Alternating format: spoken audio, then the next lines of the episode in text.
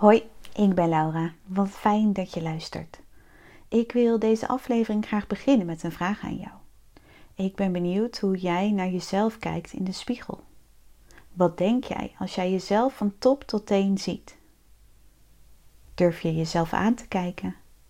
Echt te kijken? Naar alles. Ook je benen, je billen, je buik.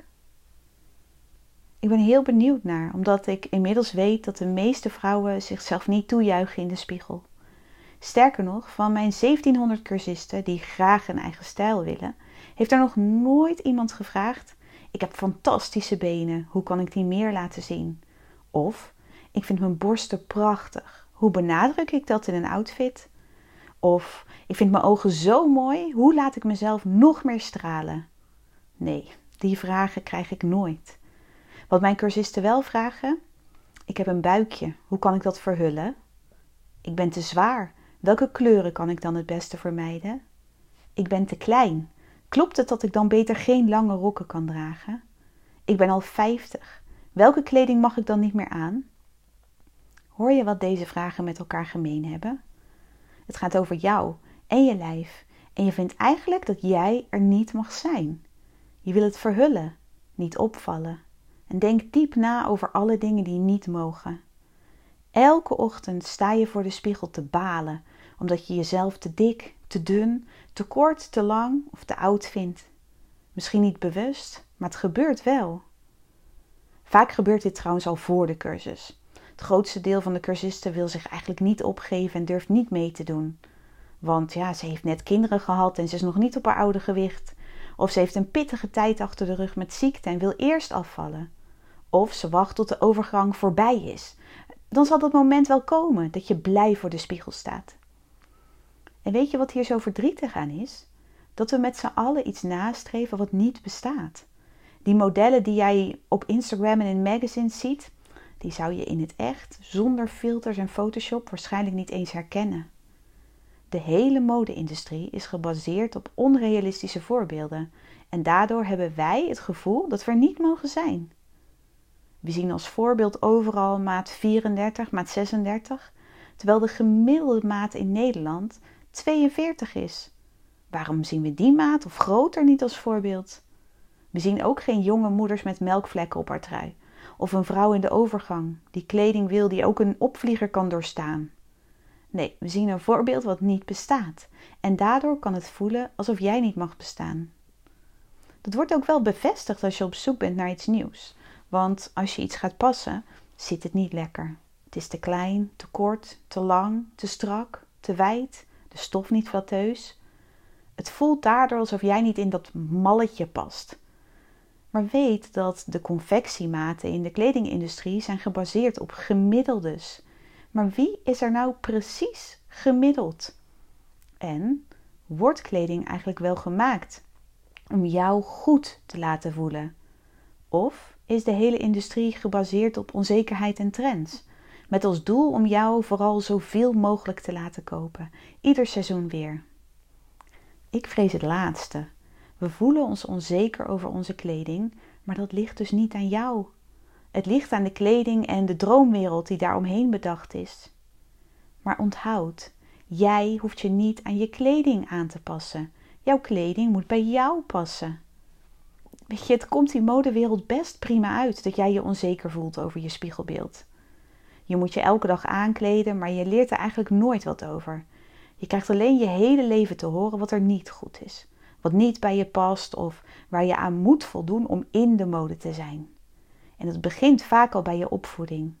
Veel vrouwen horen hun moeder nog, al is het onbewust, als je iets aantrekt. Die kleur maakt je bleek. Oh, dat is veel te opvallend. De goede kleren bewaren we voor zon- en feestdagen.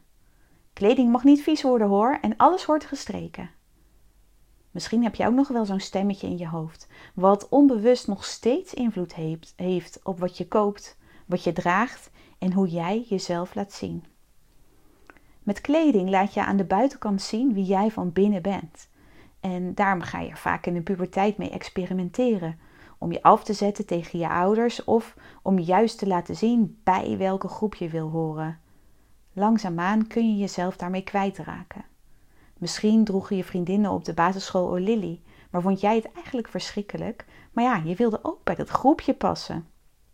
Misschien droeg je als puber veel zwart om niet op te vallen, maar voel je jezelf eigenlijk veel kleurrijker. Misschien heb je het gevoel dat je na je werk wel een jasje aan moet, omdat het netjes is, maar vind je het niet lekker zitten. En misschien weet je dat je partner van hakken houdt, maar lopen sinds je kinderen hebt gekregen alleen je sneakers nog echt lekker. Zo wordt je kast door de jaren heen een compromis.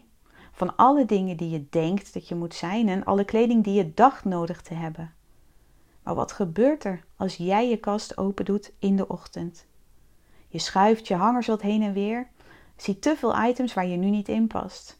Komt weer die ene jurk tegen die je misschien een keer gaat passen. Je ziet schoenen die niet lekker lopen.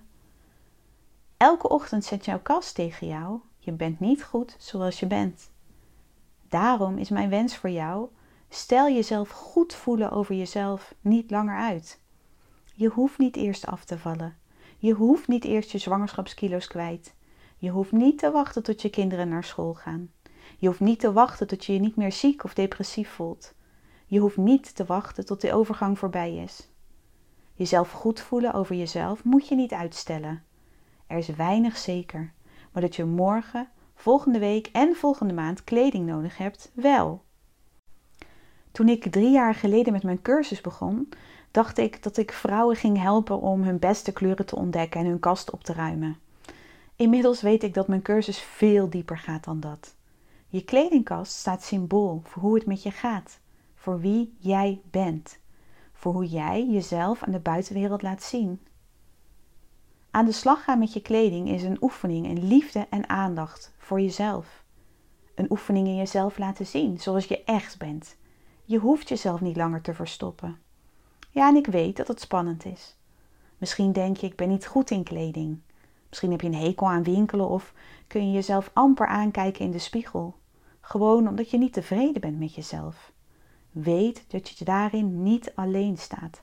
Bijna al mijn cursisten vinden het super spannend om hiermee aan de slag te gaan. Maar weet ook dat die geluksgarderobe niet vanzelf ontstaat. Een kast vol favorieten hangt niet ineens klaar voor je. Je zult zien, als je jezelf toestaat om daarmee aan de slag te gaan, dat het ook voor jou is weggelegd. Een eigen stijl. Kleding waar je blij van wordt, die lekker zit en fantastisch staat. Het is iedere keer zo mooi om te zien in de cursus wat er gebeurt als je eindelijk durft te kiezen voor kleding waar jij blij van wordt, waarmee je trots in de spiegel kijkt en jezelf aan de buitenwereld laat zien. En ook wanneer je de ballast uit je kast, al die kleding die je eigenlijk toch al niet meer droeg, versleten of in de verkeerde maat, durft te laten gaan. Al die oude oordelen over jezelf. Laat het maar los. Ook jij verdient een kast vol favorieten. Kleding die jou het gevoel geeft dat jij er mag zijn. Wil jij je ook goed kleden en goed voelen? Je bent van harte welkom.